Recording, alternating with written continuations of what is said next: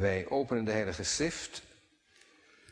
Ik zei het al, in het Psalmenboek en we lezen Psalm 42 en 43. 42 is vooral 42 thema voor de preek, maar 42 en 43 horen um, bij elkaar. Misschien zelfs oorspronkelijk één psalm geweest. Hoe het ook zij, wie die psalmen aandachtig doorleest, vindt allerlei aanwijzingen dat het nauw en onlosmakelijk bij elkaar hoort. Zowel de 42e als de 43e psalm. Lezen ze dus beide. Een onderwijzing voor de opperzangmeester onder de kinderen van Korach. Gelijk een hert schreeuwt naar de waterstromen, alzo schreeuwt mijn ziel tot u, o God. Mijn ziel dorst naar God, naar de levende God. Wanneer zal ik ingaan en voor Gods aangezicht verschijnen? Mijn tranen zijn mij tot spijze dag en nacht, omdat ze de ganse dag tot mij zeggen, waar is uw God? Ik gedenk daaraan en stort mijn ziel in mij uit, omdat ik placht heen te gaan onder de scharen en met hen te treden naar Gods huis, met een stem van vreugde, gezang en lof, onder de feesthoudende menigte. Wat buigt gij u neder, o mijn ziel? Zijt gij onrustig in mij? Hoop op God, want ik zal hem nog loven. Voor de verlossingen van zijn aangezicht. Let u even op dat zijn aangezicht. O mijn God, mijn ziel buigt zich neder in mij, daarom gedenk ik uwer uit het land van de Jordaan en Hermon. Uit het klein gebergte, de, de afgrond roept tot de afgrond bij het gedruis van uw watergoten. Al uw baren en uw golven zijn over mij heen gegaan. Maar de Heere zal des daags zijn goede tierenheid gebieden. En des nachts zal zijn lied bij mij zijn. Het gebed tot de God van mijn leven. Ik zal zeggen tot God, mijn steenrots, waarom vergeet gij mij? Waarom ga ik in het zwart vanwege des vijands onderdrukking? Met een doodsteek in mijn beenderen honen mij mijn wederpartij, zal ze de ganse dag tot mij zeggen. Waar is uw God? Wat buigt ge u neder, o mijn ziel? Wat zijt ge onrustig in mij? Hoop op God, want ik zal hem nog loven. Hij is de menigvuldige verlossing van mijn aangezicht en mijn God. Doe mij recht, o God. Twist gij mijn twistzaak. Bevrijd mij van het ongoede tieren volk. Van een man. Van de man van bedrog en onrecht. Want gij zijt de God van mijn sterkte. Waarom verstoot gij mij dan? Waarom ga ik steeds in het zwart vanwege des vijands onderdrukking? Zend uw licht en uw waarheid, dat die mij leiden, dat ze mij brengen tot de berg van uw heiligheid en tot uw woningen. En dat ik inga tot Gods altaar, tot de God van de blijdschap van mijn verheuging. En u met de harp loven, o God, mijn God. Wat buigt ge u neder, o mijn ziel, en wat zijt ge onrustig in mij? Hoop op God, want ik zal hem nog loven. Hij is de menigvuldige verlossing van mijn aangezicht en mijn God. Hier eindigt de lezing van de Heilige Schrift en de tekst voor de preek. Heerlijk om dat zo samen te zingen, gemeente. Ik zal zijn lof zelfs in de nacht ik zal. Zal jij dat ook doen? En u, als het zover is. In de nacht. Het is op dit moment geen nacht. Klaar lichte dag. Mooie, lichte dag. Geen nacht. Het zou kunnen zijn trouwens dat iemand zegt, ja het is buiten wel licht, maar in mijn ziel is het nacht. Dat kan. Maar ik vraag het nu aan mensen die nu in de dag verkeren en gezongen hebben, ik zal uw lof zelfs in de nacht. Zult u doen als het nacht is?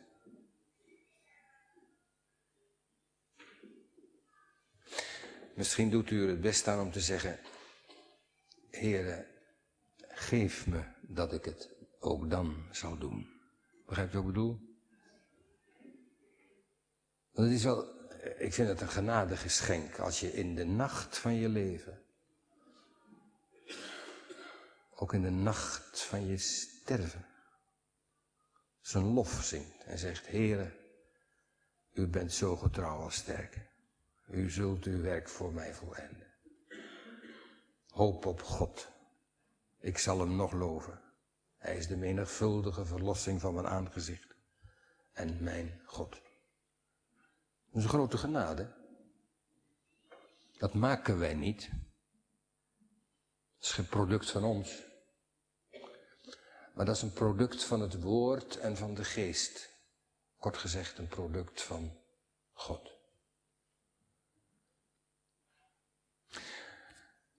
Nou, in deze psalm gebeurt dat, hè? dat daar ontmoette een man, een Korachiet, die, je kunt echt wel zeggen, die door de nacht heen gaat. Een man die het niet breed heeft. Integendeel. Hij zit in de engte. Hij heeft het benauwd. En toch hoop op God. Wel, de Heere die wil ons daar vanmorgen ook in oefenen. Wil het dichtbij brengen. Via deze geliefde psalm. Dat is het wel, hè? Vindt u niet een geliefde psalm 42? Misschien zijn er hier mensen die zeggen, nou ja, dat is eigenlijk mijn lievelingspsalm. Een mens heeft zo van die uh, psalmen die hem bijzonder dierbaar zijn. Als dat bij u het geval zou zijn, zou ik u goed kunnen begrijpen. Van jongs af spreekt deze psalm me eigenlijk ook wel erg aan. En nog steeds. Hoe zou dat nou komen, dat zo'n psalm uh, eigenlijk levenslang met je meegaat en dat zo'n psalm je zoveel te zeggen heeft? En dat je er zoveel troost in vindt. Hoe zou dat nou komen? Met name deze psalm dan. Wat is nou het geheim van die psalm? De vitaliteit en de actualiteit ook. Ik denk dat het komt gemeente omdat in deze psalm een ervaring wordt beschreven die ons vaak niet helemaal vreemd is. Ik bedoel deze ervaring. Je hebt een tijd gehad dat de Heer heel nabij was, dat je dicht bij de Heer leefde en Hij bij jou. En je bent hoe dan ook, het zij plotseling, het zij geleidelijk in een situatie terechtgekomen dat je denkt, zou God nog wel van me weten? Ik, voel hem niet, ik ervaar hem niet. Waar, waar zou hij toch zijn? Nou, dat gebeurt hier ook in deze psalm, hè? Dat is een man die heeft dicht bij de Heer geleefd. En uh, veel vreugde in hem beleefd. En nu is hij hem kwijt. Waar is God? Het kan ons overkomen, hè? Ook in ons leven vandaag de dag. Dat is heel actueel. Uh, dan komt er nog bij dat er allerlei stemmen om je heen zijn die zeggen: vergeet het maar, vergeet het maar, die God van jou. We kunnen er nog over praten, maar is dat nou ook realiteit? Is dat werkelijkheid? Gemeente, het godsgeloof staat vanda vandaag de dag sterk onder druk. Hè? En van, alle, van allerlei kanten wordt het ondermijnd. En dan zeg je, Heere God, ik voel me zo belaagd. Waar bent u toch? In de maalstroom van dat hele wereldgebeuren om me heen, met al de rampen en de corruptie en met de oorlogsdreiging en dan al de verwarring in de wereld, maar ook de verwarring in mijn eigen hart. O Heere, waar bent u? Ik verlang naar uw nabijheid, een levensteken van uw Heere. Een blijk van uw liefde.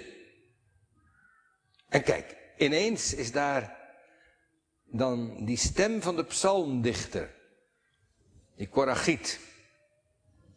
En vanuit zijn omstandigheden verwoordt hij wat wij vandaag ervaren.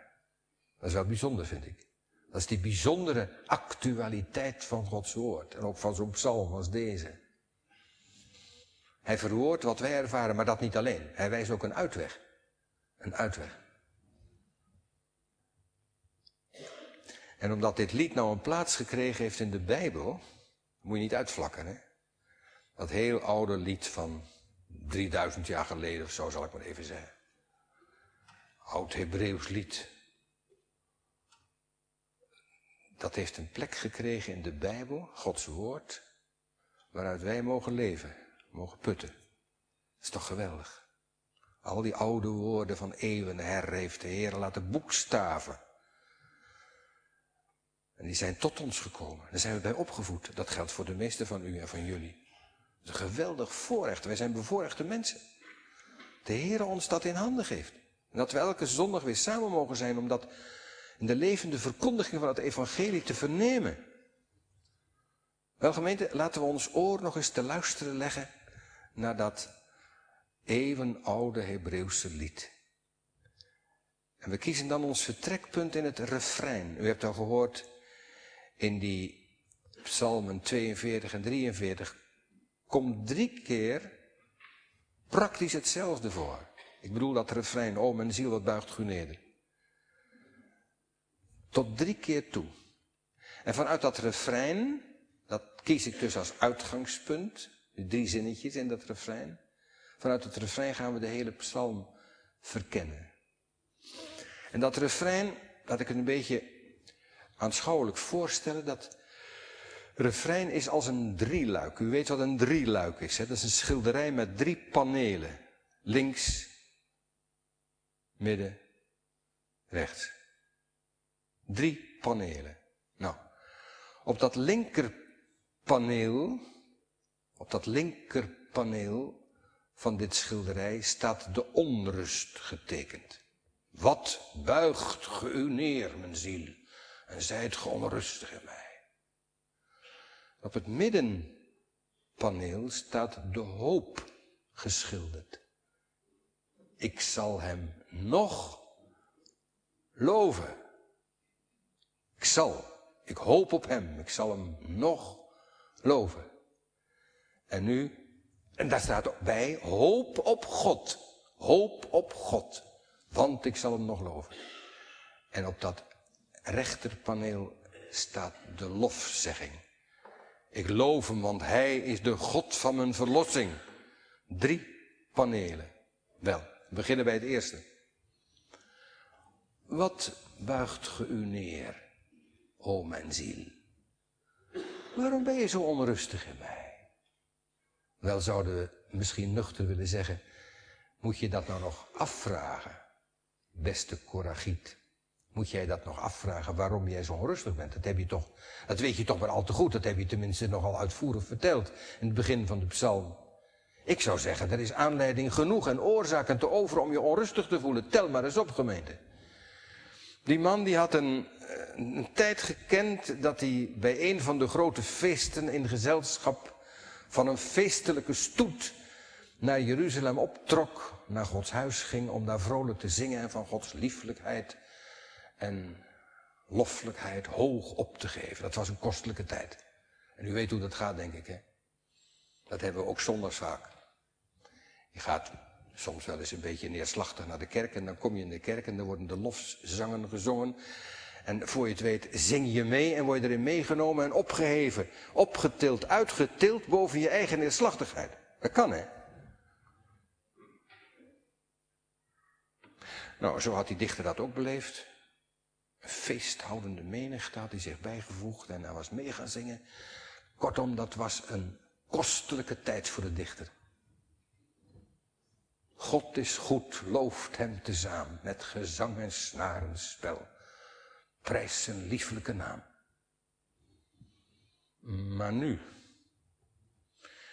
nu het tegendeel van die vreugde. Nu zit hij als balling, ver van eigen huis en haard, ver van Gods huis. Dat is het ergste voor hem.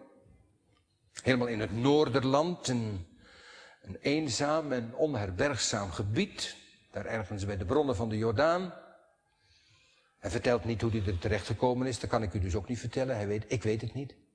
Maar hoe het ook zij, in plaats van dat vervoerende vreugdegezang, klinkt nu dat dreunende geweld van watermassa's in zijn oren. Bedreigend. Hij weet zich bedreigd, bekneld. Als de golven van een wilde zee. Heb je wel eens gezien? Nog niet zo lang geleden zag je die murenhoge golven op de kust van Florida slaan. Je weet dan toch niet wat je ziet, hè? Dat is dodelijke dreiging. Of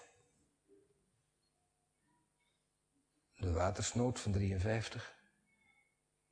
Dat is ook wat. Dat je een dijkdoorbraak voor je ogen ziet gebeuren en dan komt het water en je kunt geen kant meer uit. Zoiets, hè. Dat is ontzettend. Zoiets beklemmends ervaart nu de dichter. En het erge is dat hij daarin Gods baren en Gods golven uh, ervaart. Het is, het is niet maar natuurgeweld, maar hij heeft het over Gods golven en baren. En heel die ervaring die heeft iets afgrondelijks. Iets huiveringwekkends. Um, de afgrond roept tot de afgrond. Weet u wat voor woord dat is? Dat woord dat komt uit Genesis 1. In Genesis 1, weet u, zo begint de Bijbel. In het begin schiep God hemel en aarde. En was duisternis op de afgrond. Tehom. In het Hebreeuws, tehom. In, in het Hebreeuws hoor je hier in Psalm 42 ook iets van die dreiging. Tehom, el. Afgrond tot afgrond. Nou, voelt u wat dit beeld oproept aan sfeer? Alleen maar geen, geen, geen grond, geen grens, alleen maar afgrond. Geen licht, geen lucht, geen zicht. Afgrond. En het lawaai weer kaatst. Van de ene gapende kloof tot de andere. De afgrond roept tot de afgrond. Dit is natuurlijk een, een, heel beangstigende ervaring voor deze man. God kwijt en niet per ongeluk, maar Gods golven gaan over hem heen. Heer, ik verga. God is hier dus niet maar de afwezige. Nee, hij is terdege aanwezig. Maar dan niet, niet aanwezig in zijn gunst. En in zijn nabijheid. En genegenheid. Maar in zijn majesteit. In zijn, misschien moet je wel zeggen, verbolgenheid. Gods golven gaan over die man heen. Als in een maalstroom voelt hij zich door God overspoeld. En dan te bedenken, gemeente, dat deze man God kent als de God van zijn leven. Weet je wat het betekent? Als je tegen God zegt, u, u, u bent mijn leven, dan betekent dat dat je buiten God geen leven hebt. Hij is je leven, hij is niet iets van je, maar hij is alles van je, hij is je leven. O God, u bent mijn leven en, en nu overspoelt u mij.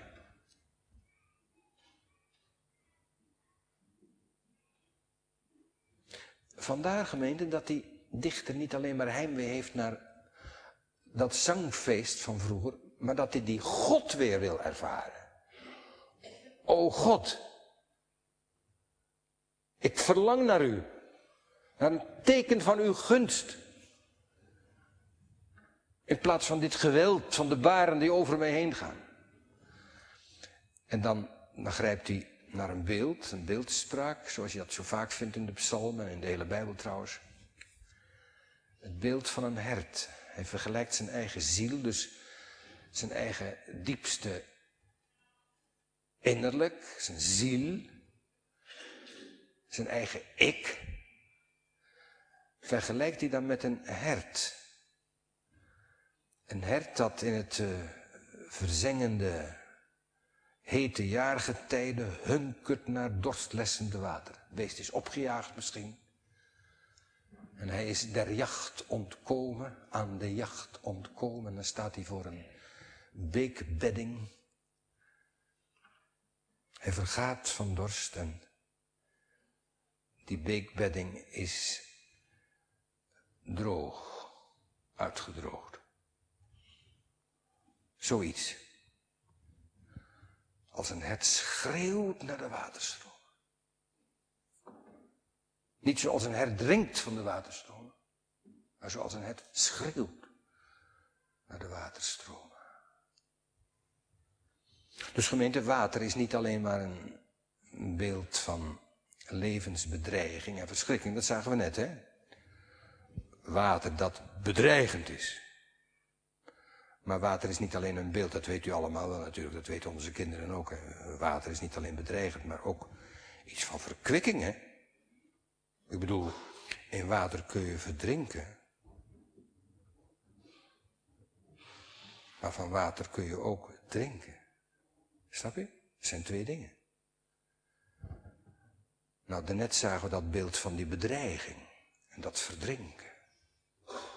En nu is water het beeld van lafenis en van verkwikking, levensbehoud. Dorst naar het levende water. Verkwikking. Je wel eens dorst gehad, gemeente? Zeg niet te gauw ja. Zeg niet te gauw ja. Ik heb mensen gesproken die zijn in de woestijn geweest. En die weten wat dorst is. Ik heb mensen gesproken die, ik heb ze ook wel bezocht in het ziekenhuis vroeger. Die geopereerd waren en de zuster zei, ik vind het heel vervelend voor u, maar u mag de eerste uren niet drinken. Dan kun je echt een brandende dorst krijgen. Dat is dorst. En dan zegt deze dichter, ik dorst naar God. Hij snakt naar God. Maar in plaats van dorstlessend water proeft hij zijn eigen zilte tranen. Tranen zijn mijn brood, zegt hij. Dag en nacht. Waarom huil je zo? Omdat ik God kwijt ben. En, en dan nog wat. Omdat ze ook onophoudelijk eh, van binnen met die kwellende stem tegen me zeggen: Waar is je God? Waar is nou je God? Wat komt er nou vanuit? Wat heb je aan zo'n God? En dat, dat ervaart hij als een, een doodsteek tot in zijn botten. Het dompelt hem in sombere rouwkledij. Honende tegenstemmen doen hem dat aan. Hij noemt ze laaghartige vijanden die hem onderuit willen halen. Trouweloos volk van onrecht en bedrog. Het onderdrukt hem. Waar zijn die vijanden dan? Nu die dichter daar in dat hoge Noorderland verkeert. Waar zijn ze dan? Ik denk dat ze niet te zien waren. De dichter is alleen, moederziel alleen in een verlaten barre woestenij. Maar die tergende stemmen, die zijn om hem heen. En die achtervolgen hem, dag en nacht, uur na uur. Komt in ons leven ook voor. Soms zijn er mensen die letterlijk tegen ons zeggen: Wat heb je aan die God van jou? Maar ook als er niemand van die vijanden of van die aanklagers te zien is, kan het van binnen in je eigen hart klinken. Waar is God? Waar is God? Begrijpt u? Zoiets gebeurt hier in die psalm bij de dichter. Wel, gemeente, uh, nogmaals, als we nou eens heel die baaiet aan misère overzien, hè? ver van God en helemaal alleen, en met alleen dat twijfelachtige gezelschap van die stemmen in zijn hart die hem tarten, dan, dan herhalen we onze reactie van zo even. Dan zeggen we, broeder, hoe kun je nou zo verwonderd afvragen aan jezelf, wat buig je toch neer en waarom ben je zo onrustig in mij? Dat spreekt toch gewoon vanzelf? Na alles wat er over je heen gekomen is, dat spreekt toch vanzelf? Dat kan toch gewoon niet anders? En dan zegt de psalmist, ja, dat kan wel anders. En dat zal anders ook. En oog en oog met die doodsmachten gaat hij tot de aanval over. In een heilig geloofsprotest. Nee, niet aan het adres van die vijandelijke spotters hoor. Die laat u nu maar even voor wat ze zijn. Maar hij, hij heeft het tegen zijn eigen afgebrande ziel. Wat buig je zo neer? Zo gaat hij tot de aanval over. Hij valt zichzelf aan, om zo te zeggen. Buig je toch zo neer? Waarom ben je toch zo ontzet? En door onrust gekweld? Jazeker, die dichter die weet terdege dat daar geduchte aanleiding toe is. Maar hij weet en hij gelooft nog meer. Dit weet ik vast, dat er een God is die leeft. Die de levende God is. Die mijn leven is. Ook nu. Nu ik iets van het tegendeel ervaar. Ook nu. Ik vlucht tegen God tot God. Zo noemde Luther dat. Tot die verborgen God. Of misschien wel, nee, tegen die verborgen en verbogen God. Naar de God van genade en van genegenheid. Dat. Dat is die heel eigen beweging van het nochtans geloof. Vandaar dat hij roept hart onrustig vol van zorgen. Vleugellam geslagen ziel. Hoop op God en wees geborgen. Hij verheft die nederviel. Dat is dat middenpaneel. Hoop op God, ik zal hem nog loven. Hoop op God. Ja, gemeente, laat, laat de dichter nou voor ons maar model mogen staan. Ik bedoel, doe dat nou ook in de tegenheden van je leven, ten overstaan van je eigen soms zo neergeslagen ziel. Zeg dan maar, wat, wat, tegen je ziel, hè? tegen jezelf. Wat, hoe heb ik het nou? En, en noem jezelf dan maar bij de naam, bij je doopnaam moet je dan noemen.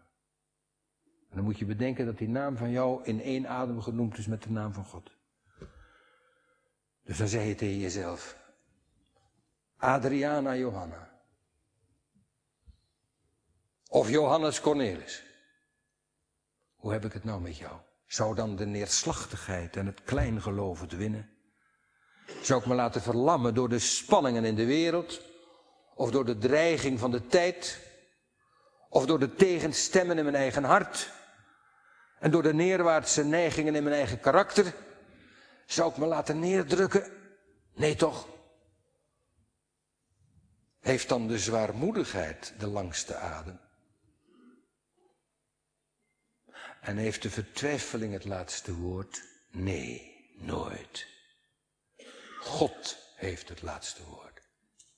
En zijn geest de langste adem. Dat is geloven, gemeente. Dat is geloven. Ook als het erop aankomt. Ondanks alles, nochtans. Klem vast aan die ene rots. God, levende, mijn leven, kan niet zonder u. En het hoeft toch ook niet, heren. U hebt toch belofte gedaan. Dat is geloof. Gemeente, hier in deze psalm zien we nou iets oplichten van dat geloofsvertrouwen dat eeuwen later tot vervulling zou komen. In wie? In de meerdere psalmist, de meerdere David, de meerdere Korachiet, Jezus, de overste leidsman, grondlegger en voleinder van het geloof. Onze Heer Jezus Christus. Als er één is die in dat noodgebied geweest is van de Toom, weet u nog, van die afgrond, hè? dan was hij het wel. In Gethsemane schreeuwt hij het uit. Zijn benauwdheid schreeuwt hij uit. Met de woorden van Psalm 42, wist u dat? Dat kun je niet direct zien in de vertaling. Dat komt omdat het Nieuwe Testament de Griekse vertaling van het Hebreeuws gebruikt. Mijn ziel is geheel bedroefd. Maar dat is, een letterlijke, dat is een vertaling van die letterlijke tekst uit Psalm 42. Mijn ziel geheel bedroefd, zeer beangst, bekneld tot de dood toe. Vader, laat deze drinkbeker aan u voorbij gaan, roept Jezus dan. Maar, maar, niet mijn wil, maar de uw geschieden. En zo kermde hij het uit en vluchtte hij tot zijn God. En zo, zo gebeurt, zoiets gebeurt ook hier in onze psalm. Hè? Zeg maar gerust, dat gebeurt in de geest van Christus. Hoop op God, zegt hij bevelend tot zichzelf. Niet, zou je niet eens hopen? Nee, hoop op God. Een bevel. Weet je wat dat is, hopen op God? Ik vroeg u net, weet u wat dorst is? Nu vraag ik, weet u wat hopen is? Hopen, wat is dat eigenlijk? Hopen op God, gemeente, dat is tegen al die stemmen die honend zeggen, waar is nou je God? Al die stemmen weerstaan en van repliek dienen. En zeggen, waar God is, mijn God is overal, in de hemel, maar ook op aarde, dus ook hier. Mijn God is aan mijn linker en aan mijn rechterzijde is God. Waar ik machteloos zink of bitter lijd, ook daar is God. In dood en doodse banden. Ja, overal is God. Ja, maar als je dat nog niet voelt. En dat kan toch? Waar was God gemeente in de gaskamers van Treblinka of Auschwitz? Voor al zijn kinderen. Waar was God toen? Voor het gevoel bedoel ik. Voor de ervaring. En waar was God? In de arena's van het oude Rome. Toen ze bij bosjes voor de leeuwen werden gegooid. Waar was God toen? Voor het gevoel. Soms voor het gevoel aanwezig. En gingen ze zingend de leeuwen tegemoet. Echt gebeurd. Maar vaak ook niet. Vaak ook niet. Ogenschijnlijk was God er niet bij. Ogenschijnlijk. Waar is God? Ook vandaag. In je eenzaamheid. In je diepe verdriet. Waar is God? In je bittere teleurstelling die je opdoet in het leven. Waar is God in de aanvechting van het geloof? Nou, dan zegt het, dan zegt de hoop, ik zie hem nog niet en ik voel hem nog niet, maar ik houd hem vast aan zijn belofte. Hoop op God. Hij komt. Al zie ik hem nu niet, er komt een ogenblik dat ik hem weer zal zien. Ik zal hem nog loven. Dat doet de hoop. En ik wijs naar de hemel. Ik zeg, al voel ik hem hier niet en al zie ik hem hier niet. Hij zit daar aan de rechterhand van de Vader, mijn borg en zaligmaker. En niet in onbewogen ongenaakbaarheid, maar hij is onze oudste broeder, die medelijden kan hebben met al onze zwakheden. Zo wijs ik met de ene hand omhoog en met de andere hand wijs ik op de Bijbel. En ik zeg, hier is God. Dus als je me vraagt, waar is God? Dan zeg ik, daar is hij. Daar. En laat de duivel hem daar maar eens vandaan krijgen. Nooit. De levende God. En ik heb nog een hand. En met die rechterhand wijs ik naar de Bijbel. En ik zeg, hier is God. Dit is zijn woord. Zwart op wit beschreven. Betrouwbaar. Dit is een geloofwaardig woord. Aller aanneming waardig. Dat Jezus Christus in de wereld gekomen is om de zondaren zalig te maken. Zwart op wit beschreven. En als ik dan nog een hand had, dan wees ik ook nog naar binnen. En zei ik, kijk, dat woord dat is hier verzegeld. Dat heeft de geest gedaan. Zodat ik er amen op zeg. Amen, heren. Het is waar. Kijk, dat is hopen op God. Ik voel hem nog niet, maar hij is er, daar en hier. En God geeft het ook tot in mijn hart. Dat is hopen op God. U zegt nou, maar dan is het net zoiets als geloven. Nou, dat is ook waar. Hopen en geloven. Maakt niet zoveel uit. Ietsje wel. Ik denk dat je het zo kunt zeggen. Hopen, dat is geloven met nog een dimensie erbij. Namelijk geloven vermengd met uitzien, wachten inwachten. Er komt nog wat aan. We hebben nog wat te goed. Dat is het bijzondere van het hopen. Hopen op God. Zo zielsveel van hem houden. Dat, al voel je hem op dit moment niet. Je zegt ja, maar hij is het waard om eeuwig geloofd en geprezen te worden. En hij komt, hij komt. Ook tot mij. Nou is het met die hoop eigenaardig gesteld gemeente. Want Uh, die hoop die durft nogal wat. Die durft tegen God te zeggen, mijn steenrots, waarom vergeet ge mij? Dat is nogal wat. Mijn steenrots, dat is mooi. Maar dan, waarom vergeet u mij? Je moet maar durven. Mag dat nou? Want je zou tegen die dichter kunnen zeggen, mag God jou soms niet vergeten? Heb je er recht op dat hij aan je denkt? Je zegt het nogal vrijmoedig. Op het vermetele af. Waarom vergeet u mij? Maar een schreeuw uit de diepte, hè? Kijk, die psalmist die zou zeggen, dat weet ik ook wel dat ik er geen recht op heb. En dat weet God nog veel beter. Maar daar kan ik nou niet naar vragen. Ik vraag alleen maar naar Gods aard. Hoe, hoe is hij eigenlijk van binnen? Hoe is zijn naam? Hoe is zijn hart, zijn wezen? En dat wezen, dat heeft hij neergelegd in zijn naam. Ik zal zijn die ik zijn zou. Ik zou zijn, ik zal zijn die ik beloofd heb te zijn. En, en daar houd ik u aan, heren. U hebt toch gezegd, ik zal u niet vergeten en ik zal u niet verlaten. Hoe kunt u me dan nu vergeten, heren? Nou, denk aan het vaderlijk meedogen, Heer, waarop ik bidden pleit. Milde handen, vriendelijke ogen zijn bij u van eeuwigheid. Kijk gemeente, dat is hopen op God. Ja, dan vast klemmen. Heren, al zie ik u niet met mijn lijfelijk oog, maar ik heb van u gehoord met mijn oren, met de oren van mijn ziel. Vader, ik ben wel ver heen, maar bij u verwacht mijn ziel een heilrijk lot, verwacht.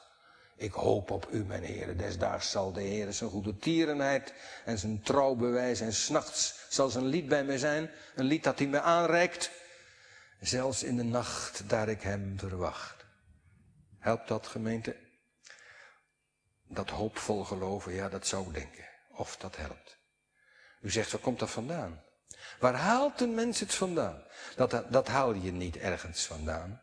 Dat daalt ergens vandaan komt uit het hart van onze Heer Jezus Christus die aan het hout gehangen heeft. Waar niets te hopen viel. Zo voor het oog en voor de ervaring. Waar niets te hopen viel. En met een doodsteek in zijn beenderen kwelden hem zijn kwelgeesten, mag je wel zeggen. Waar is nu uw God? Als je dan de geliefde van de Vader bent. Kom dan van het kruis af. Doe. En Jezus zweeg.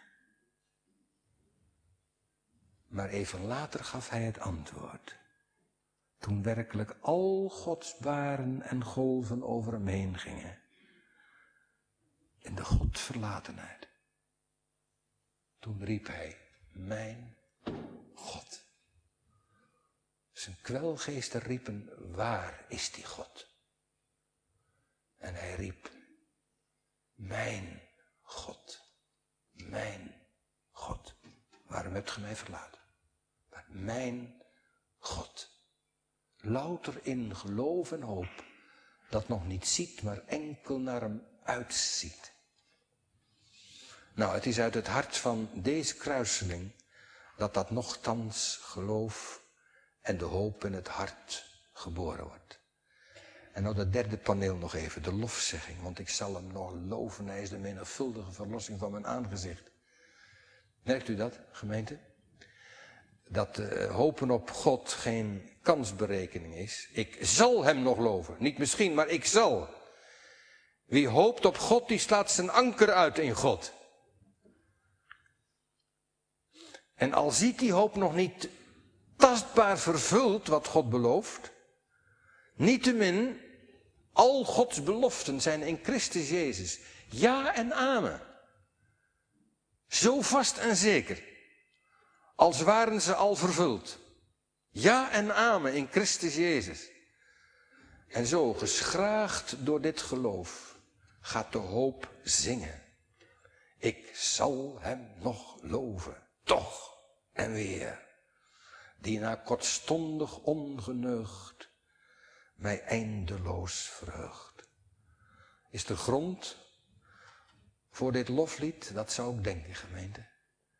Die ligt vastgeschroefd in het onbedrieglijke beloftewoord van onze God.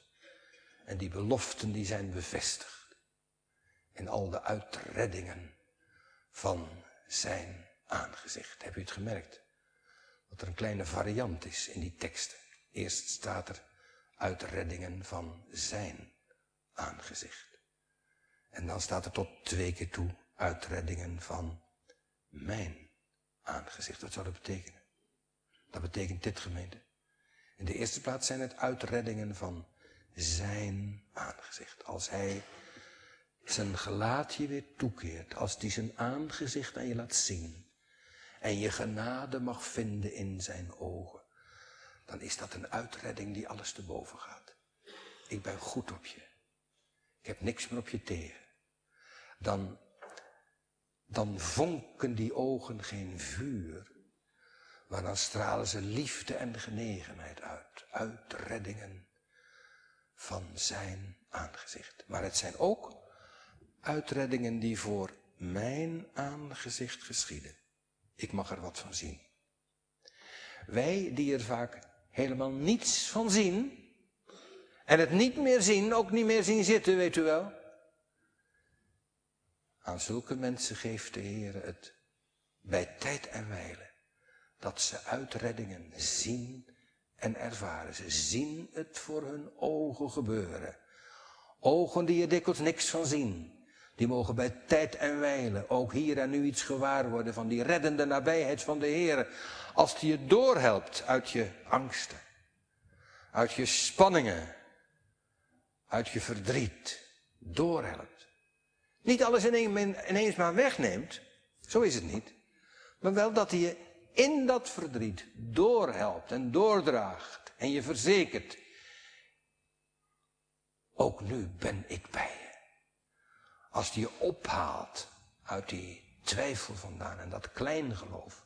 Of als hij je bij, wijze van onderpand een voorsmaak geeft van de eeuwige vreugde van het bruiloftsfeest daarboven. Dat Heere, hier helpt u me door, door ziekte en door pijn heen. Maar eenmaal komt daar een tijd dat we aan zullen zitten met de aartsvaders. Dat we uw grote naam zullen prijzen tot in eeuwigheid, dat bruiloftsfeest daarboven. In dat land waar niemand meer zal zeggen, ik ben ziek, want het volk dat er woont heeft vergeving van ongerechtigheid. Menigvuldig zijn de verlossingen van Gods aangezicht. Ja, dat is het laatste. Gemeente, ze zijn zo menigvuldig dat je ze niet zou kunnen tellen. Maar als je ze nou allemaal op zou kunnen tellen, dan zou je uiteindelijk uitkomen op een enkelvoud. Want allemaal samen opgeteld vormen al die uitreddingen één enkelvoud. Dat is dit. Die ene God. Mijn redder. En mijn God. Hij is niet alleen die uitkomst geeft, maar hij is het ook waar alle uitkomst op uitloopt. Om hem te loven. Mijn God, ik zal u eeuwig loven omdat gij het hebt gedaan, mijn redder en mijn God. Amen.